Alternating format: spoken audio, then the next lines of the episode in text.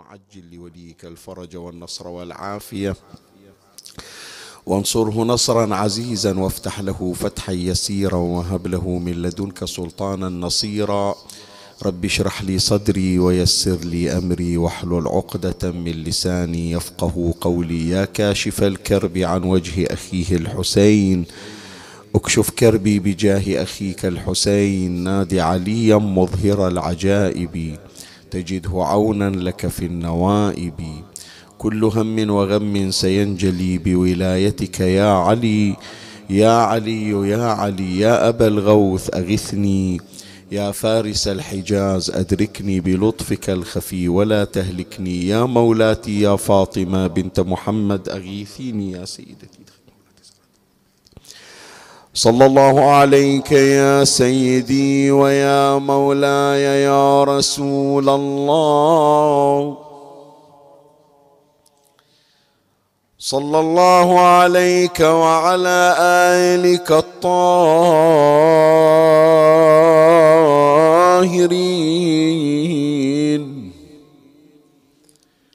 فاز من اعتصم بكم ومن من لجأ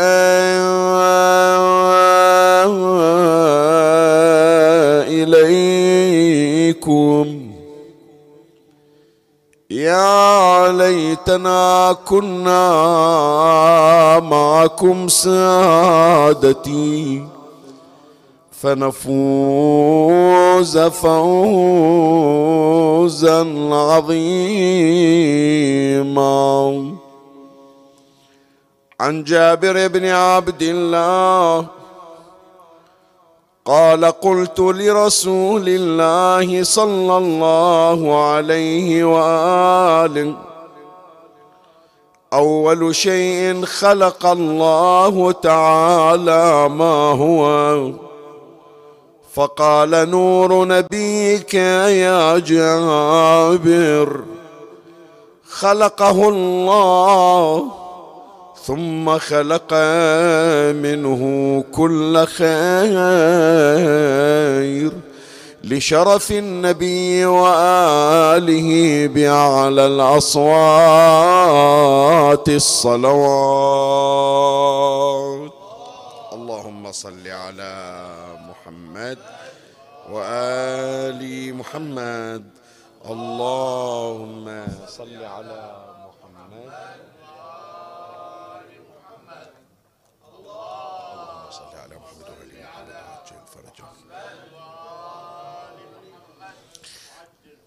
هذا الحديث الشريف الذي تشرفت بتلاوته على مسامعكم الكريمة هو أحد النصوص التي تشير إلى أن أول خلق أهل البيت سلام الله عليهم هو المادة النورانية. خلقهم الله تبارك وتعالى من نوره فهم نور الله تبارك وتعالى.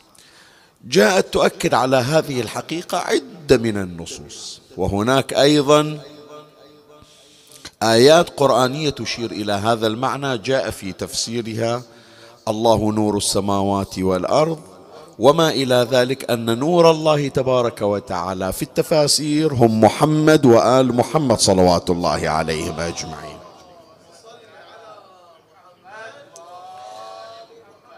ما جاء في الزيارة الجامعة. خلقكم الله أنوارا فجعلكم بعرشه محدقين. وغيرها كثير يعني لو نريد نجمع فقط الروايات والأحاديث والنصوص سواء من القرآن أم من السنة التي تؤكد على أن أهل البيت عليهم السلام مخلوقون من نور الله عز وجل. ثم بعد هذا كيفهم الله بالقالب البشري. فإنت من تمر عليك الآية قل إنما أنا بشر مثلكم. لا تقول معناها بأن مادة النبي صلى الله عليه وآله مثل مادة سائر البشر. أنا وأنت صح مخلوقين من طين لكن ما مخلوقين من نور. أهل البيت عليهم السلام قبل نزولهم من العالم النوراني في السماوات إلى العالم البشري إلى التكوين البشري كانوا أنوارا قبل خلق الخلائق. بل الروايات الشريفة تقول أن الخلق كله خلق من ذلك النور. يعني أول ما خلق الله كما أشارت هذه الرواية. وطبعا ألفت نظرك أنه مو فقط الشيعة اللي يقولون هذا الكلام. هم أيضا الرواية عن جابر بن عبد الله. الأنصاري حينما يسأل النبي عن أول ما خلق الله يقول نور نبيك يا جابر. من هذا النور خلقت سائر الموجودات. خلق العرش خلق اللوح خلق القلم خلقت الملائكة خلقت السماوات خلقت الأرضون خلقت الشمس خلق القمر خلقت النجوم. كل هذه المخلوقات مخلوقة من النور الأول الذي خلقه الله وهو نور نبينا محمد صلى الله عليه وآله. فبالتالي يا إخواني أهل البيت بشر مميزون. قل إنما أنا بشر صحيح. بشر لكن مميز ليس كسائر البشر. سائر البشر يا إخواني من يتعرق تخرج منه رائحة منتنة. النبي صلى الله عليه وآله من يتعرق عرقه أطيب من المسك الأذفر. يعلق في الجدران وتشم رائحة النبي بعد ثلاثة أيام. اليوم إلزم لك واحد قول له بأنه يتعرق أطيب من الطيب. وين صار؟ زين النبي بشر؟ بشر. لكن مادة البشر من نور. مادة بشرية لكن كان أصلها من النور. وهذا من تسمع أنه من أسماء الصديقة الزهراء عليها السلام النوراء. شنو يعني النوراء؟ يعني أرجعها إلى أصل خلقتها وهو نور الزهراء عليها السلام. الله عز وجل أنزل هذه المخلوقات النورانية في قالب بشري لغرض. ليش؟ حتى إذا أكو ظلمه في قلوبنا تبدد بنورهم. فلهذا تقول مولاتنا الزهراء عليها السلام عن علة مجيء أبيها النبي وزوجها الوصي ومجيئها ومجيء أولادها الأطهار. في الخطبة الفدكية هذه أيام الزهراء عليه السلام تقول فأنار الله بأبي محمد. اللهم صل على محمد وآل محمد. فأنار الله بأبي محمد ظلمها. وكشف عن القلوب بهمها وجلى عن الأبصار غممها. فإذا مجيء أهل البيت بالقالب النوراني حتى يزيحون الظلمة الموجودة في قلوب سائر البشر. لا وأنا أقول لك أيضا هذه تحفة هذا المجلس تحفة هذه الليلة هدية هذه الليلة. إن شاء الله ماكو عندنا لا بمجلسنا ولا من السامعين بس لعل وعسى أو تسمع يوم من الأيام واحد مصاب باكتئاب مصاب بهم مصاب بغم مصاب بتفكير مفرط بحيث جعله في عزلة عن الناس في ابتعاد عن الناس. الله لا يجيب إلى أحد من المؤمنين من أحبائنا. لكن من العلاجات تكرار اسم النبي صلى الله عليه وسلم. إي جرب نعم إذا شفت يوم من الأيام انقباض عندك في القلب حالة امتعاض حالة تأثر حدث مر ببالك مو راضي يروح مسبب لك حالة نفسية مزعجة أكثر من الصلاة على محمد وآل محمد. اللهم صل على محمد وآل محمد. من وين هذا الكلام نجيبه؟ من الأحاديث مو من اختراعاتنا. حديث عن أمير المؤمنين سلام الله عليه. نقل الشيخ الريشهري في ميزان الحكمة الجزء الثاني صفحة 970 قال أمير المؤمنين عليه السلام عليك بذكر الله فإنه نور القلوب. يعني أنت من تحس بحالة اكتئاب ليش؟ لأن القلب مظلم ذيك الساعة. قد تكون إلى أسباب قد أسباب مثلا خارجة عن الأمور العضوية. ومرة لا نقص هرمون اللي يعبرون عنه علماء أو أطباء النفس بهرمون السعادة أو ما أشبه. أو قد يكون لا قد يكون الذنب يترك أثر سلبي. انت لبالك يعني شنو؟ شوية ما يخالف على هامش البحث هذا الكلام. جنود الشيطان من يجون إلى واحد يقشمرونه ويغرونه. تعال تونس. استثمر حياتك استغل حياتك. بعدك شباب توك بأول العمر. تونس وتالي توب مو تمام؟ بعضهم ذولا رفق رفقاء السوء. شلون يقول؟ أقول ما يخالف. هي كل ما راح تأخذ خمس عشر دقائق وراها توب جاي شهر رمضان صوم شهر رمضان. تمام لو لا؟ سوي الجريمة ذاك البعيدة بعدنا الله وإياكم بعدها استغفر صوم إلى الله ثلاثة أيام. انت لبالك ببساطة يعني الذنب هو مدة الخمس دقائق والعشر دقائق وانتهى؟ لا. الذنب والمستجار بالله يترك ترسبات وصديد على القلب هذا ما يروح. يحتاج إلى فترة. شوف أنت تفضل الآن. سؤال. هذه ماكينة السيارة أو حتى الطاوة أو المقلمة اللي تطهي بيها هذه أم البيت. من يصير عليها الصديد من يتلايم عليها القاذورات. كم تحتاج إلى تنظيف؟ هذا ود سيارته حتى ينزلون ماكينتها بالجراج بالوكالة. كل يوم واقف على راسهم. ها ما جهزت السيارة؟ قالت تعال شوف انت إيش قد مجيمة مي راضية تتحرك. نشتغل عليها تنظيف أنا والعمال يلا يلا شهر ولا يجيبها حتى تنظف صحيح لو لا؟ كذلك يا إخواني الذنوب تترك صديد على القلب. وهذا حتى تبدد حتى تروح بحاجة إلى شغل. البحارنا يسمونها بمصطلحاتهم يقولون شغل شدان. شغل شدان يعني شنو؟ يعني مضاعف شغل بجهد مضاعف. فأمير المؤمنين سلام الله عليه يوم من الأيام بحديث قال ما قست القلوب إلا لكثرة الذنوب. ذنب على ذنب على ذنب على ذنب تالي هيجي مسكين يحضر بالماتم يريد دمعة تنزل من أين ما تنزل. يسافر الحج كلهم واقفين يوم عرفة يقرون دعاء عرفة ويبكون. كان يوم عاشر هو قاعد يتفرج. يقول مكسور قلبي لكن مي راضية تنزل دمعة من عيني. كلها من تراكمات الذنوب. فيعطينا أمير المؤمنين عليه السلام طريقة لتصفية القلب.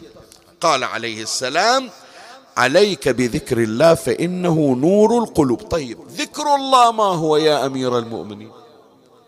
ذكر الله متعدد. منها الذكر الكثير فاذكروا الله ذكرا كثيرا. الذكر الكثير تسبيح الصديقة الزهراء عليها السلام. أهل البيت يسمونه الذكر الكثير.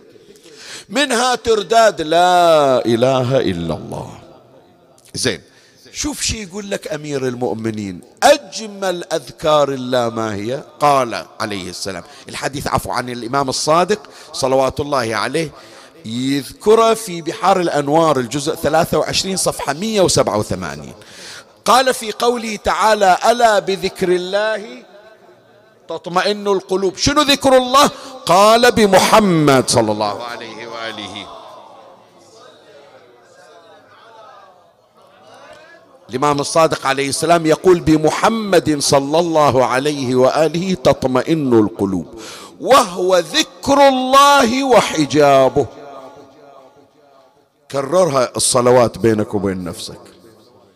المصاب بهم الشايل تفكير هل مريض اللي عندي راح يطيب؟ لو ما يطيب هل حاجة راح تنقضي؟ لو ما تنقضي الله راح يسهل أمري. لو ما راح يسهل أمري هل هم هذا اللي بقلبي راح يزول؟ لو ما يزول جرب سر الصلوات شوف يأثر بيك لو ما يأثر بيك. فخلاصة هذا التمهيد والمقدمة يا إخواني أهل البيت هم نور الله عز وجل.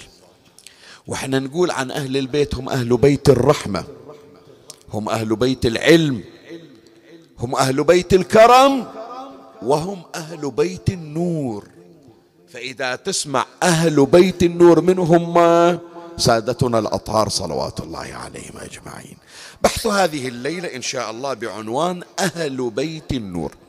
وينقسم البحث إلى فصلين اثنين أمر عليهما تباعا ومن الله أستمد العون والتوفيق ومن مولاي أبي الفضل العباس المدد ومنكم ألتمس الدعاء وثلاثا بأعلى الأصوات. صلوا على محمد وآل محمد.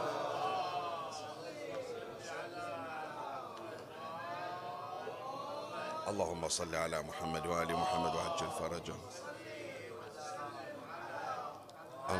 على محمد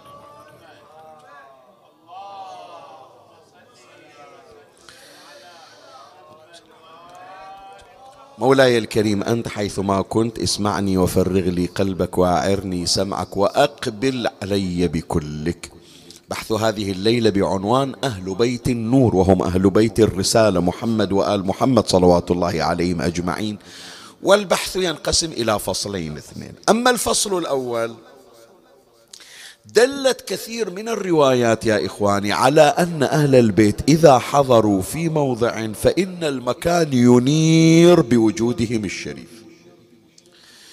يحضرون في المكان المظلم. لا يحتاجون إلى سراج ولا إلى ضياء. أنت تعرف من أسرار بيت مولاتنا الزهراء عليها السلام أنها ما احتاجت في دارها إلى سراج. لا إلى شمعة لا إلى موقد لا إلى س... أبدا ما احتاجوا. كانوا يستنيرون أمير المؤمنين يستنير بنور فاطمة عليها السلام. أهل البيت يستضيئون بنورها وهي النوراء فلهذا سميت بالنوراء. هل الذي في ليلة استشهاد الصديقة الزهراء عليها السلام. ولما شرع أمير المؤمنين صلوات الله عليه في تغسيل جثمان الصديقة الزهراء عليها السلام أراد أن يتفحص جسدها. لما خفقت يده خفقة في جنبها. فطلب من أسماء بنت عميس أن تأتيه بسراج. قال لها أحتاج أنه أتفحص شيء فأنا بحاجة إلى ضياء. خو الزهرة تنير ليش ما استعان بنورها؟ لا بعد. انطفى النور يوم راح. إي والله انطفى النور يعني. فيقول لأسماء بنت عميس آتيني بسراج علي بسراج. من وين تجيب له سراج؟ ما موجود في البيت سراج لا شمعة لا فانوس. زين قال لها دبري حالك بسرعة أنا أريد أشوف شيء. فلهذا لجأت أسماء إلى أن تشعل بعض سعف النخيل. ليش عمي اللي يريد ضياء ما يشعل السعف؟ عنده شمعة عنده موقد بس ما محتاجين. إلى سراج مع وجود الزهراء عليها السلام. اضطرتهم الحاجة ذيك الليلة استوهم يدورون على موقد أو على سراج. فأكو نصوص عدة يا إخواني تشير إلى أن أهل البيت يضيئون في الأماكن المظلمة. من صفات النبي صلى الله عليه وآله هكذا احفظها هذه من عندي. وهذه هم خليها بعد على هامش البحث. سبحان الله هالمرة وأنا جيتي من كوبنهاجن الدنمارك سبحان الله بعد بعض المؤمنين جزاهم الله خير ملتفتين إلى هذا الجانب. قلت هنيالكم على هذا الولاء في الغربة وفعلا هذا عدنا من الموروث القديم. تعرفون يا إخوان يمكن الآن ما موجود مو متداول بس اسألوا الأمهات اسألوا الجدات يخبرونكم. سابقا إذا أكو مريض والمريض شوية مرضه طول أو واحد عنده حاجة مثلا شي يقولون الأمهات اقرأوا عليه صفة النبي. حتى سووا كتيب ما شفته أنا بغير البحرين ما شفته يعني. أنا شخصيا أحكي لك يمكن موجود بس أنا أقول لك اللي شفتها طبعة بحرينية قديمة اسمها صفة النبي. كراس تتذكرون شايفينها لو لا؟ كراس صغير طابعين اسمه صفة النبي. مجموعة فيه صفات رسول الله صلى الله عليه وآله طبعا أمير المؤمنين وصف النبي أكو وصف للصحابة حسان ابن ثابت وصف النبي واحدة من صحابيات اسمها أم معبد مر عليها رسول الله في هجرته فوصفت النبي موجودة صفات رسول الله. صفة النبي إذا قرأت على المريض يشفى ببركة صفة محمد صلى الله عليه وآله. فكانت مجربة قراءة صفة النبي. تقرأ على المريض يعني إحنا عشنا ذيك الفترة وأنا أذكرها ولا زلنا نحتفظ بكتيبات وكتب أمهاتنا وجداتنا. إذا مثلا طفل يتفزز من النوم أو عنده رعب أو كذا خلوا حد الراس تحت المخدة صفة النبي لما لها من أسرار. شاهدنا وين؟ من صفات النبي شنو؟ كان لا يرى. هكذا ورد في كتبنا إحنا الشيعة وأيضا في السنة. عند السنة يذكرونها بعض الكتب الرحيق المختوم وغير الرحيق المختوم وفاء الوفاء للسمهودي آه، تاريخ الخميس إلى الشيخ حسين الديار بكر هي مصادر سنية. قال كان لا يرى له صلى الله عليه وآله ظل لأن نور النبي محمد يطغى على نور الشمس والقمر.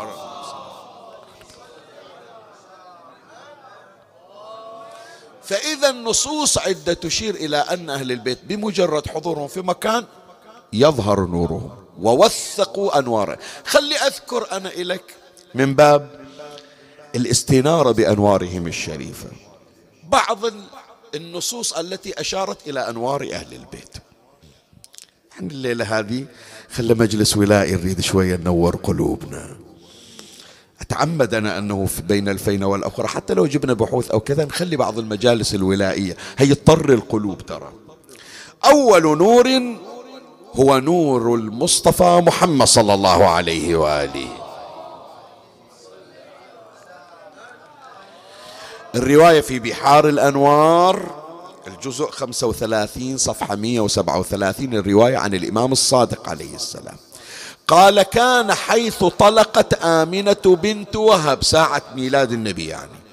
كان حيث طلقت آمنة بنت وهب وأخذها المخاض بالنبي صلى الله عليه وآله حضرتها فاطمة بنت أسد امرأة أبي طالب فلم تزل معها حتى وضعت. لذكر ميلاد النبي بأعلى أصواتكم صلوا على محمد.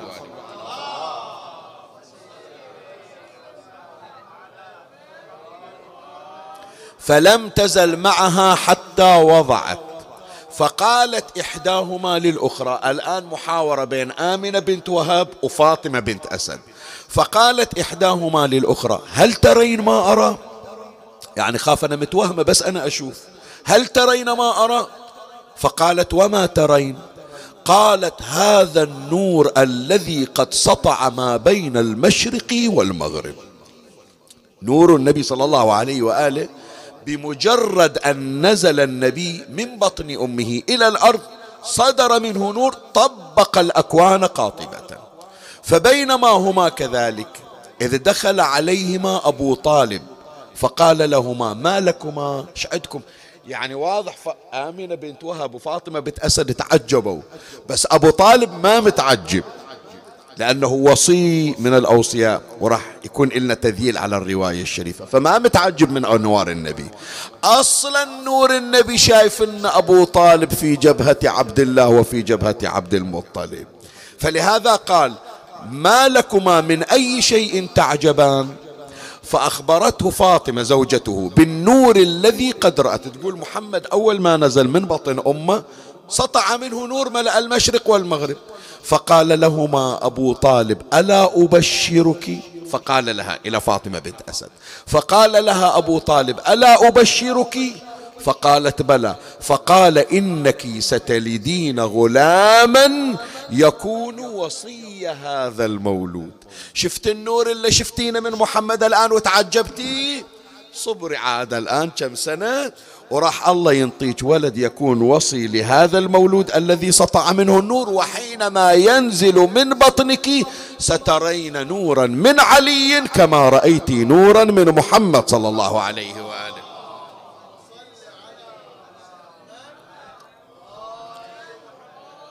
شوية عدنا تذييل سريع. واحد خو فرغنا حجي من قضية أبو طالب مات كافرا. أصلا إحنا هذا مفروغ من عنده. نسمعه ونضحك عليه أصلا. إحنا عندنا أبو طالب مو كسائر الناس. أبو طالب وصي الأنبياء. أبو طالب حامل أسرار النبوة. أبو طالب كان مستودع مواريث النبوة. عصا موسى وصلت إلى النبي عن أي طريق يا جماعة؟ منو يقول لي؟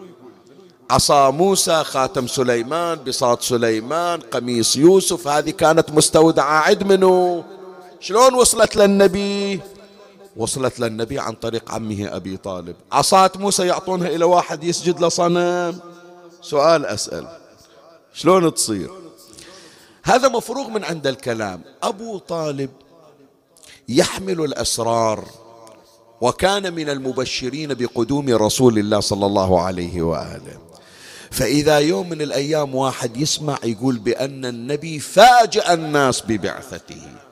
قبل بعثة النبي ما كان الناس يسمعون عن دين ولا يعرفون عن دين. خو تعرف إيش أنا إيش أقصد؟ مو البعض جاي يقول بأنه كل هذا الدين صار بمجرد نزول جبرائيل بالقرآن على رسول الله في يوم البعثة. لا. من قبل البعثة كانت الناس مهيئة لاستقبال رسول الله. كم ذكرنا إحنا حج تتذكرون لولا يحتاج فقط من باب انعاش الذاكرة. ذكرنا عن ملك اليمن سيف ابن ذي يزن. وسلم هدايا إلى عبد المطلب يدفعها إلى النبي. تذكرون لو ناسين؟ زين. ذكرنا عن قس بن ساعد الأيادي الذي كان يخبر باسم النبي وأسماء الأئمة عليهم السلام. ذكرنا أيضا حتى قصة الراهب. إلا يوم سافر أبو طالب بالنبي أخبره بأنه نبي آخر الزمان. ذكرنا قصة سلمان الفارسي لما انطلع كانت الرهبان تبشر به. ذكرنا قصة أحبار اليهود أول ما وصل النبي إلى المدينة وإجا وطلعها النبي من كتبهم صفته. وإذا هذا كل ما كفانا شو تقول في القرآن الكريم؟ ومبشرا برسول يأتي من بعده اسمه أحمد زين. عيسى ابن مريم يبشر منه يقعد ويا روحه ويبشر روحه لو يبشر الناس. فإذا واحد آمن بدعوة عيسى ابن مريم الحقيقية مو المزيفة حتما هو يعلم بأن نبي آخر الزمان سوف يأتي واسمه في السماء أحمد وفي الأرض أبو القاسم محمد صلى الله عليه وآله وهذه ثوابتنا الدينية مو غيرها. هذه ثوابتنا الدينية أن من قبل ولادة النبي هناك من جاء يبشر بقدوم النبي. زين. فإذا واحد من الأنوار نور النبي صلى الله عليه وآله. الثاني من الأنوار عندنا زواج يختلف عن أي زواج. يسمونه زواج النورين. صحيح لو لا؟ زواج النورين يعني زواج منو من منو؟ علي من فاطمة. منين جايبين زواج النورين؟ هم في السماء يسمونهم علي النور وفاطمة النور. خلي أقرأ لك الرواية. الرواية في بحار الأنوار الجزء 43 صفحة 111 عن الإمام موسى بن جعفر الكاظم عليه السلام. قال بين رسول الله صلى الله عليه وآله جالس إذ دخل عليه ملك له أربع وعشرون وجها رتب هذه يسمونها. فقال له رسول الله صلى الله عليه وآله حبيبي جبرائيل لم أرك في مثل هذه الصورة. لبال النبي هذا الجاي جبرائيل لأنه كان بصورة جبرائيل. قال له أول مرة تجيني عندك 24 وجه. فقال الملك لست بجبرائيل أنا مو جبرائيل يا رسول الله أنا محمود. اسمه محمود. أنا محمود بعثني الله عز وجل أن أزوج النور من النور.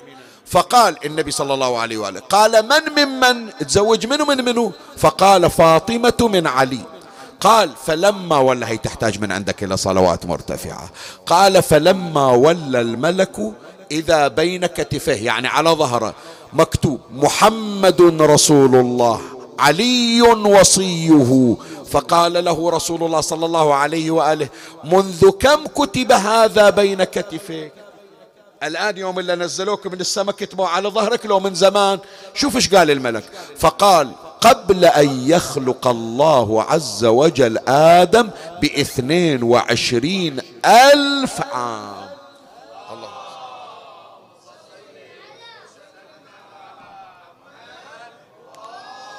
فالرواية الأولى نور النبي الرواية الثانية نور علي وفاطمة الرواية الثالثة هي مبكية نوعا ما بس هم مفرحة أيضا. في يوم مقتل الإمام الحسين عليه السلام حتى أعداؤه وجدوا نور الحسين عليه السلام.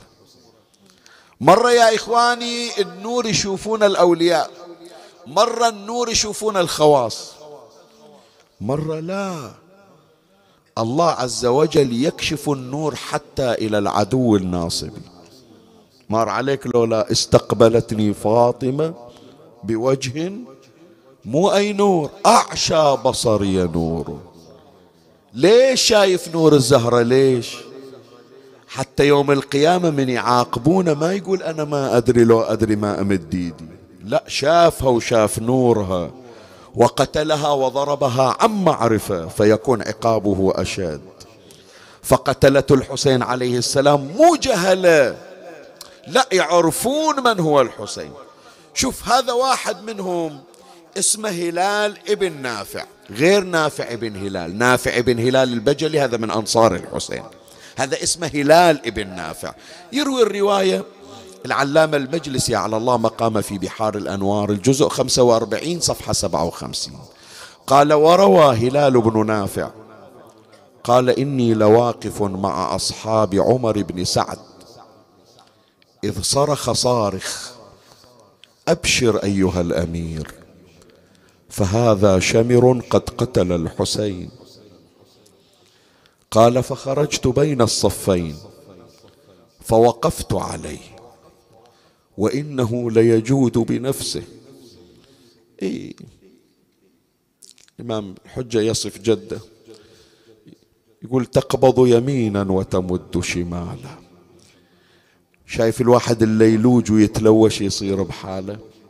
هو هذا يقول وإنه ليجود بنفسه. شوف الوصف اللي وصفه. قال فوالله ما رأيت قتيلا مضمخا بدمه.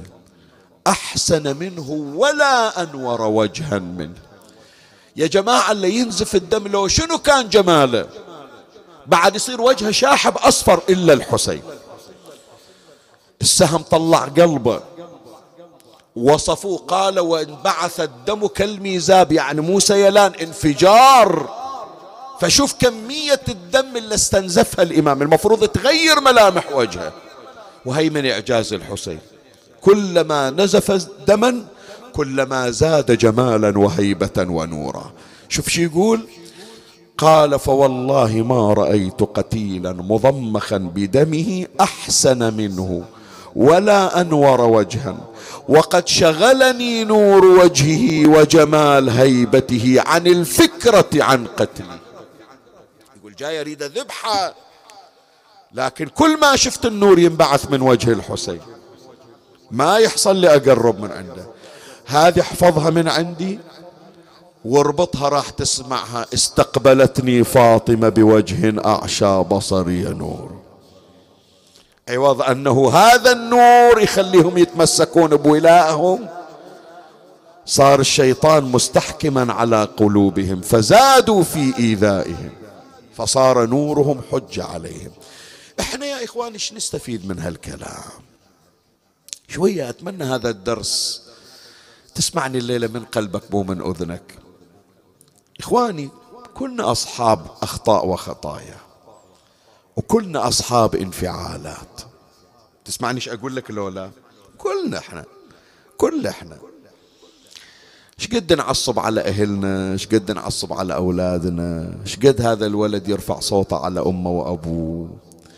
إيش قد تصير خلافات بين الأرحام إيش قد تصير خلافات بين الجيران إيش قد تصير خلافات بين الزملاء في العمل وهكذا دواليك هذا وارد يصير والإنسان بالأخير كتلة انفعالات. لكن شي يرجعني إلى الطريق السليم؟ هذه القاعدة خليها عندك. من تشوف هذه النزعات بقلبك اعلم بأنها ظلمة لأن هذه من الشيطان والشيطان ظلام. فاللي قاعد في مكان ظلام شي يسوي؟ انت تيجي تريد تنام تريد تطب البيت البيت مطفى الضويات. أول ما تدخل قبل لا تروح تطبخ قبل لا تروح لفراشك شو تسوي؟ إلا تدق على الزر على الدقمة صحيح لو لا حتى تنور المكان.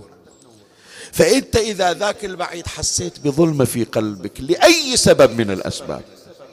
ارجع إلى النور وأهل النور. من هم أهل النور؟ محمد وآل محمد صلوات الله عليه. شوفوا موروثاتنا يا إخواني. شوفوا آبائنا وأجدادنا إيش علمونا. من يشوفون واحد معصب شي يقولون له؟ صل على النبي صل على النبي صحيح لو لا؟ ليش هي كلمة اعتباطية؟ يعني يقول له هذا الغضب اللي عندك هذا ظلمة شيطانية. وحتى تقضي على هذه الظلمة بحاجة إلى نور. والنور شنو؟ الصلاة على محمد وآل محمد. مجلسنا الليلة موفق. شوف كم صلوات من أول ما بدينا إلى الآن. الحمد لله رب العالمين. ذلك فضل الله يؤتيه من يشاء. اللهم زدنا من أفضالهم علينا. فيا إخواني تذكروا دائما. تشوف نفسك يوم من الأيام الشيطان يوسوس لك ترى يريد يوخرك عن النور وأهل النور. أنت الآن رجل نوراني. أنت الآن امرأة نورانية. حتى بجلوسك حتى بحضورك. إحنا يا إخواني ناخذ النور من هالمواضع. ليش نروح إلى زيارات أهل البيت؟ ليش نحضر في مجالسهم؟ ليش دائما نذكر أسماءهم؟ ليش نسمي أولادنا بأسمائهم استحضار لهذا النور. وأقرأ لك هي الرواية حتى أختم هذا الفصل. الرواية عن أمير المؤمنين علي بن أبي طالب سلام الله عليه. يرويها العلامة المجلسي في بحار الأنوار الجزء 25 صفحة 21 قال اتقوا فراسة المؤمن. فإنه ينظر بنور الله. ابن عباس يسأل أمير المؤمن شلون يا أبا الحسن؟ هذا شلون يشوف بنور الله؟ شنو نبي هو ملاك شوف شلون فسرها أمير المؤمنين. فقلت يا أمير المؤمنين كيف ينظر بنور الله عز وجل؟ قال عليه السلام لأنا خلقنا من نور الله وخلق شيعتنا من شعاع نورنا. فهم أصفياء يعني الشيعة يعني. فهم أصفياء أبرار أطهار متوسمون. نورهم يضيء على من سواهم كالبدر في الليلة الظلمة. أذكر مرة من المرات يا إخواني يمكن الآن بعض اللي وياي عبر البث إلا كانوا حاضرين في ذاك الموقف هذا الحكي صار له الآن يمكن عشرين سنة ويمكن أكثر بعد من عشرين سنة. مرة من المرات صار خلاف بين جماعتين شيعة. استعانوا بشخص من غير مذهب الشيعة. أنا كنت حاضر بهذه الجلسة. يذكرون اللي كانوا حاضرين يذكرون. فهذا الشخص اللي كان من غير مذهب أهل البيت قال كلمة. إيش قال؟ قال المفترض يا إخوان يا شيعة يا أتباع أهل البيت يا أصحاب الحسينيات بهالتعبير يقول إحنا إذا صار عندنا خلاف نودي عليكم تحضرون عندنا. ليش؟ لأن أنتم عندكم حسين وأنتم تحضرون في مجالس أهل البيت وهي المجالس نور. يقول إحنا ما عندنا هالمجالس بوفرة بقدكم أنتم صح نذكر أهل البيت لكن مو بشكل يومي طوال السنة مثلكم. فالمفترض يوم يصير عندنا خلاف نجيب واحد من عندكم يذكرنا بكلام أهل النور. شوف شلون استيعابه. بس يقول إذا لا أنتم ما استفدتوا من أهل البيت منو اللي راح يفيدكم؟ إيه. يا حماة الدين يا ملح البلد ما تقولون إذا الملح فسد؟ إذا إحنا يا إخواني اللي نحمل كنوز أهل البيت إلى العالم ما استفدنا من هالكنوز وضيعناها إلمن نروح بعد من غيرهم. فيا إخواني رجوعا إليهم رجوعا إلى أهل النور. تذكر دائما من تشوف مشكلة استعن بالله بأهل البيت ينير الله قلبك ودربك بهم صلوات الله عليهم. هذا الفصل الأول أتيت على تمامه. الفصل الثاني خمس دقائق حتى نختم. تجربة تجربة أن الذي يلتصق بأهل النور يتنور بأنوارهم. إحنا يا إخواني هكذا اعتقاد هكذا اعتقادنا. لما نحضر عند أضرحتهم لما نقرأ زياراتهم لما نحضر في مجالسهم إحنا نكتسب من أنوارهم. لأن من يلتصق بأنوارهم يتنور بأنوارهم. وراح أجيب لك نموذج إلى من وفقه الله فصار نورانيا بأنوار محمد وآل محمد صلوات الله عليهم أجمعين. من هذه المرأة المتنورة بأنوار أهل البيت؟ هذا المجلس الليلة معقود على شرفها وذكرها. أم إمامنا الحجة بن الحسن عجل الله فرجه الشريف. السيدة نرجس خاتون. رضوان الله عليها بل سلام الله عليها. إلا من توفيقاتها أنها دفنت مع اثنين من الأئمة في ضريح واحد. بل وتخاطبها السيدة حكيمة بنت الإمام الجواد تقول لها يا سيدتي. يمكن هي المعلومة أول مرة تسمعونها البعض من عندكم يمكن أول مرة يسمعها بس أنتم كلكم أهل معارف مترددون على هذه المدارس حتما مر عليكم فقط من باب إنعاش الذاكرة. أم الإمام المهدي شو اسمها؟ رد علي خلي أسمع. اسمها نرجس صحيح لو لا؟ أكو اسم ثاني إلها مليكة. تبدل اسمها لما حملت بالإمام الحجة تغير اسمها. من اسم نرجس؟ ما قاموا يسمونها نرجس. صار اسمها صقيل من اسم نرجس تحول إلى صقيل فلهذا من تقرأ في شهادة الإمام العسكري عليه السلام ما يجي اسم نرجس؟ قال وقد قبض وليس معه في الدار إلا عقيد الخادم وصقيل الجارية. منو صقيل؟ هي نرجس أم الإمام. زين ليش تبدل اسمها من نرجس إلى صقيل؟ خلي أقرأ لك ما ذكره العلامة المجلسي. على الله مقام في بحار الأنوار الجزء 51 صفحة 15 عن غياث بن أسد قال ولد الخلف المهدي صلوات الله عليه عجل الله فرجه الشريف. يوم الجمعة وأمه ريحانة ويقال لها نرجس ويقال صقيل ويقال سوسن. اسمع ركز في العبارة. إلا أنه قيل لسبب الحمل صقيل يعني من حملت بالإمام بدلوا اسمها من نرجس إلى صقيل ليش شنو معنى صقيل وليش بدلوها إلى صقيل يذكر العلامة المجلسي بعد ذكر هذه الرواية قال إنما سمي صقيلا لما اعتراه من النور والجلاء بسبب الحمل المنور. يقال صقل السيف. يسمون اللغة العربية السيف صقيل ما تسمع يقول السيف الصقيل شنو السيف الصقيل اللي يلمع يعني يبرق.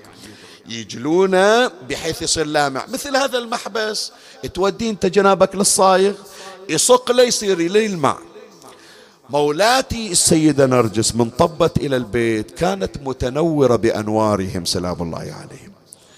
من حملت بمولاي الحجة عجل الله فرجه الشريف. أنواره الشريفة انعكست على وجهها بحيث صارت تشع نورا من نور ولدها قائم آل بيت محمد. اللهم صل على محمد.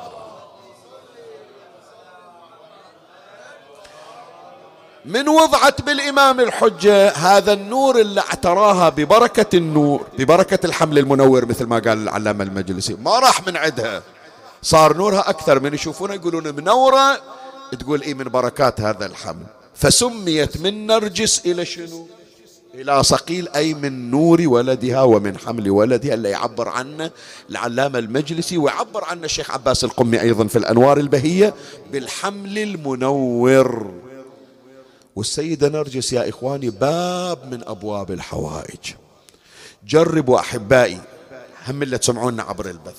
إذا يوم من الأيام عندك حاجة متعسرة جرب تهديها صلوات ركعتين ختمة قرآن. لو تقرأ لها فاتحة شوف أثر السيدة نرجس. خلي أذكر لك هذه القضية سريعا هالمقدار كافي حتى نختم مجلسنا. قبل تقريبا أكثر من مئة سنة كان هناك انتشار والمستجار بالله إلى مرض الطاعون.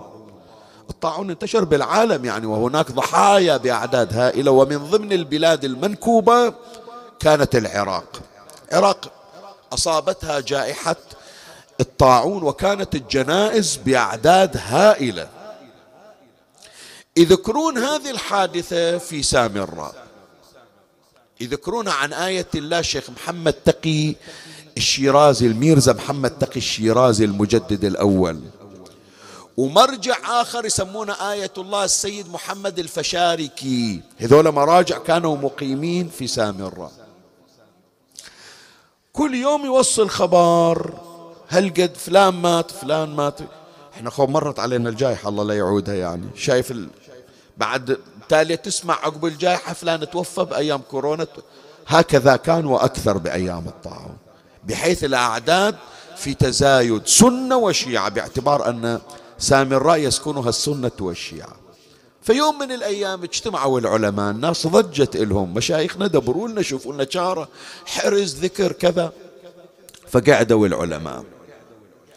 القضية مرة يذكرونها عن الشيخ محمد تقي أنه هو من اقترح ومرة ينقلونها عن هذا السيد سيد محمد الفشارك يقولون هو من اقترح.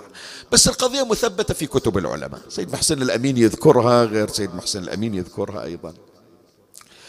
شو تشوفون؟ شو تشورون؟ السيد سيد محمد قال إذا أصدرت حكم تقبلون به قالوا شيخنا من تصدر حكم؟ إحنا كنا نأيد حكمك. يعني نقول ندعم كلام السيد فيصير كأنما صدر عن المرجعية قاطبة آمر سيدنا شتريد قال أنا أحكم بوجوب على كل شيعي في سامراء أن يقرأ لمدة عشرة أيام زيارة عاشوراء ويهدي ثوابها إلى روح السيدة نرجس خاتون. شوف مع العلم الإمام الهادي عندهم الإمام العسكري ما عندهم بس يعرفون أنها باب من أبواب الحوائج. قال مو اختياري مو اللي يريد يقرب كيفه والما يريد. لا حكم عام. كل الشيعة بسامراء يقرون زيارة عاشوراء ويثوبونها إلى السيد نرجس السيدة نرجس خاتون فعلا صدروا الحكم ابتدأت الشيعة. وبالبيت الواحد الزوج الزوجة الأولاد اللي يقرون كلهم يقرون زيارة عاشوراء. من أول يوم ابتدأوا قراءة زيارة عاشوراء وأهدوا ثوابها إلى السيدة نرجس. أعداد الموتى صارت في قلة صار العدد يقل ويتناقص. يوم الثاني يسألون من توفى اليوم؟ قالوا ما سمعنا أحد. قبل العشرة أيام توقف الموت عن أهالي سامرة. أهل السنة سئلوا قالوا إيش عجب الشيعة ما واصل لهم الموت. شنو سويتوا؟ قالوا هالشكل. فقالوا اللهم كما قرأ الشيعة لنرجس خاتون. توقف الموت عن السنة والشيعة. انتشر الخبر في العراق بأنه سامرة هكذا سيد محمد الفشاركي وشيخ محمد تقي الشيرازي أمر بأن تقرأ زيارة عاشوراء وتهدى إلى السيدة نرجس خاتون. وتوقف عنهم الموت. صار أهل العراق يقرؤون زيارة عاشوراء وتهدى إلى السيدة نرجس خاتون. فهي باب من أبواب الحوائج ومجربة يا إخواني. أسأل الله تبارك وتعالى أن يقضي حوائجنا وحوائجكم ويفرج عن المؤمنين إن شاء الله وعن المسلمين وعن إخوتنا في غزة وفي غيرها من البلدان المنكوبة. ببركة عناية إمامنا صاحب الأمر عجل الله فرجه الشريف وببركة أمه السيدة نرجس خاتون. شوف هالمرأة الفاضلة هذه. تعرضت إلى مظلومية يعني قليل لما تذكر. أنت تعرف بعد رحيل زوجها. خو ما عندها إلا زوجها الإمام العسكري وابنها الوحيد الإمام الحجة عمره ست سنوات. تخيل شوف مأساتها شلون؟ هذه سجلها عندك الليلة. زوجها بعد في ريعان الشباب ثمانية وعشرين سنة عمره يدس له السم ويفارق الحياة مسموما. وابنها بعد طفل عمره ست سنوات يحكم عليه الدهر بأن يعيش غيبة تمتد إلى أكثر من ألف سنة. تدري خو رايحين سامرة؟ أنتم شايفين يعني. إذا إجيتوا طبيتوا عند الضريح خلصتوا من الزيارة تروحون للسرداب سرداب الغيبة صحيح لو لا؟ إيش قد درج تنزل يلا توصل للسرداب؟ كم عتبة كم باية تنزل إلها؟ تتخيل ممنوع على هالأم اللي ما عندها هالولد أنها تشوف ولدها تدري لو ما تدري؟ ممنوع عليها. ينزل الإمام العسكري نص الليل ما يطلعه خوفا عليه خوفا على حياته. شافته يوم شهادة الإمام العسكري. قال لها روحي نادي وليدي. وإجا الإمام الحجة ذب روحه على صدر أبوه. والسيدة نرجس تشوف الزوج يفارق الحياة والولد يتمرغ على صدره. بعد أزيدك أكثر؟ وبعد رحيل زوجها الإمام العسكري وغيبة ولدها الإمام الحجة تم إلقاء القبض عليها وزج بها في السجن.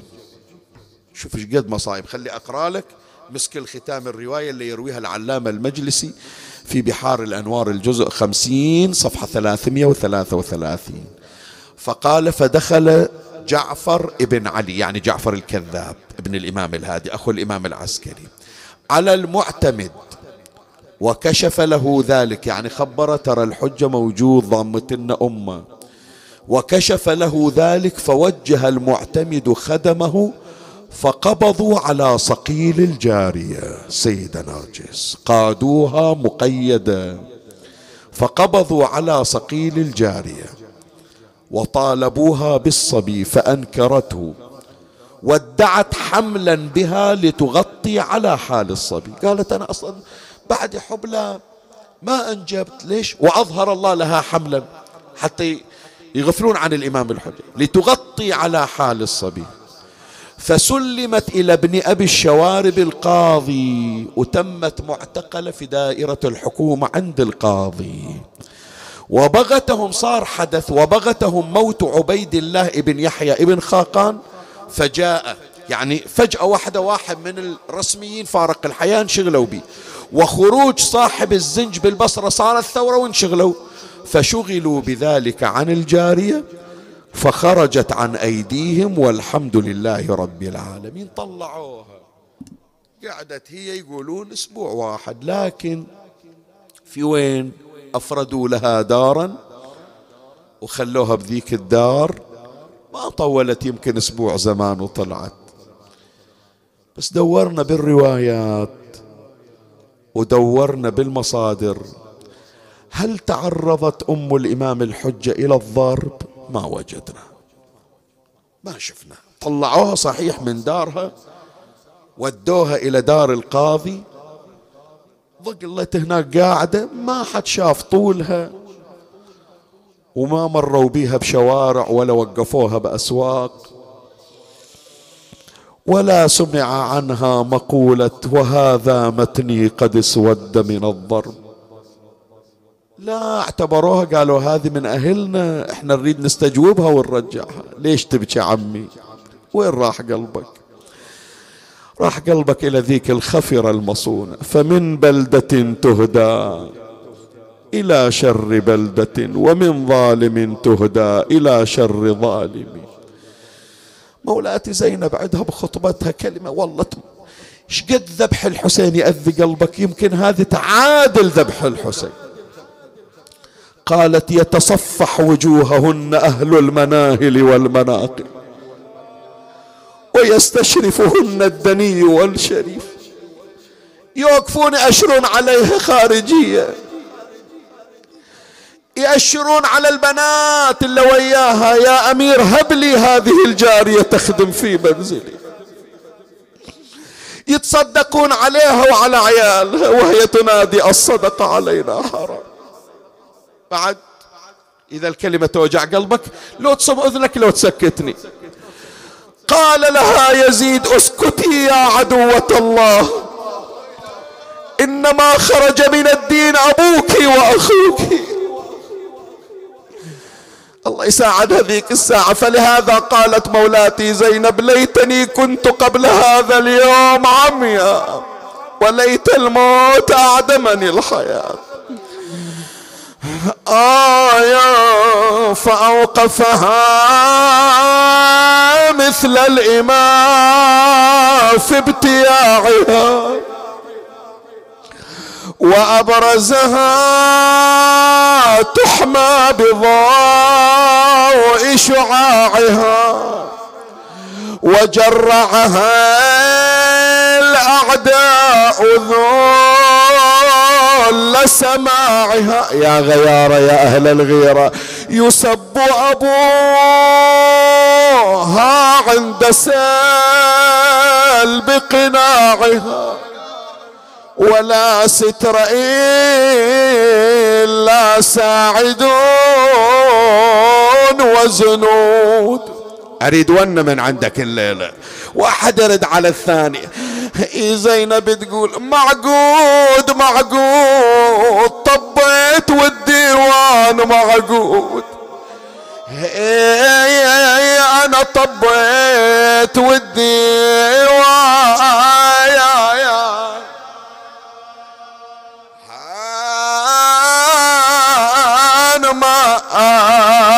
معقود معقود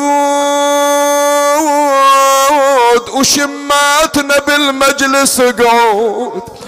يا أبو علي شماتنا بالمجلس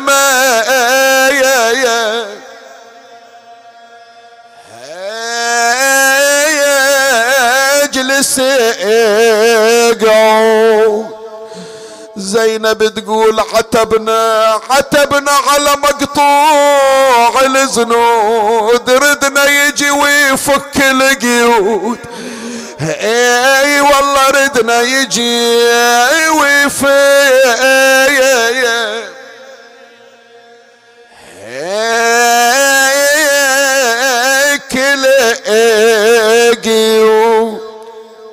شباب هذا الطور القديم اللي كنا نقراه من زود ما صرنا نقراه صار يمكن مستهلك عندنا بس من أطلع برا البحرين أنا وأساتذتي ونقراه يبكيهم يقولون هذا الطور اللي فعلا يدر الدمعة.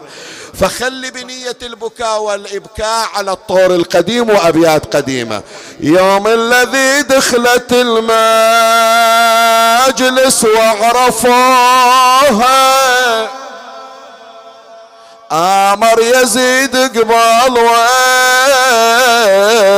وجهه يوقفوا إيش سوى إيش سوى؟ شال القضيب وقام يضرب راس اخوه ويصيح وقفة زينب بوسط الدياوي. بالرخصة من السادة بالرخصة منك يا صاحب الأمر. وقف بنات المصطفى قدام عينه وراس الشهيد النور يسطع من جبين. يا غيارة كسر براسه ريتها شلت يمين. وزينب تنادي ذا بقلبي يا ضي العين. يا عنا يا عنا ينصب راس الحسين ويدق. عنا يا عنا يزيد بمجلسه ومن سأل عنها. عنا يا عنا أنا تمنيت يروح اليوم. عنا لداح الباب خلي الحق علي. اي علي علي لداح الباب خلي الحايا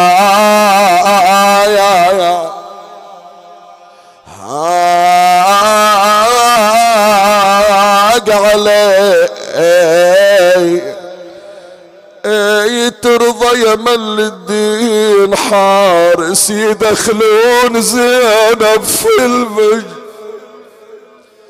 اللهم صل على محمد وآل محمد. يا قاضي الحاجات يا مجيب الدعوات يا سامع الشكايات اسمع لنا واستجب يا الله. بك يا الله بمحمد بعلي بفاطمة بالحسن بالحسين بعلي بمحمد بجعفر بموسى بعلي بمحمد بعلي بالحسن بالحجة بن الحسن بجاه مولاتنا أم البنين بجاه ولدها كاشف الكرب عن وجه أخيه الحسين بجاه حوراء النساء زينب أخت الحسين بجاه رقية بنت الحسين بجاه سيدتنا نرجس اقض حوائجنا يا الله. فرج عنا وعن المؤمنين اشف مرضاهم فك أسراهم رد غرباهم أد عنهم الدين أغنهم من الفقر. أبدل حزنهم سرورا عجل فرج إمامنا صاحب العصر والزمان. شرفنا برؤيته وارزقنا شرف خدمته. المؤسس تقبل اللهم عمله وبلغه من الخيرات ما أمله. واجعل ثواب هذا المجلس الشريف نورا في أضرحة موتاه وموتانا وموتاكم. ولمن مات على الإيمان نهدي لهم ثواب الفاتحة مع الصلوات.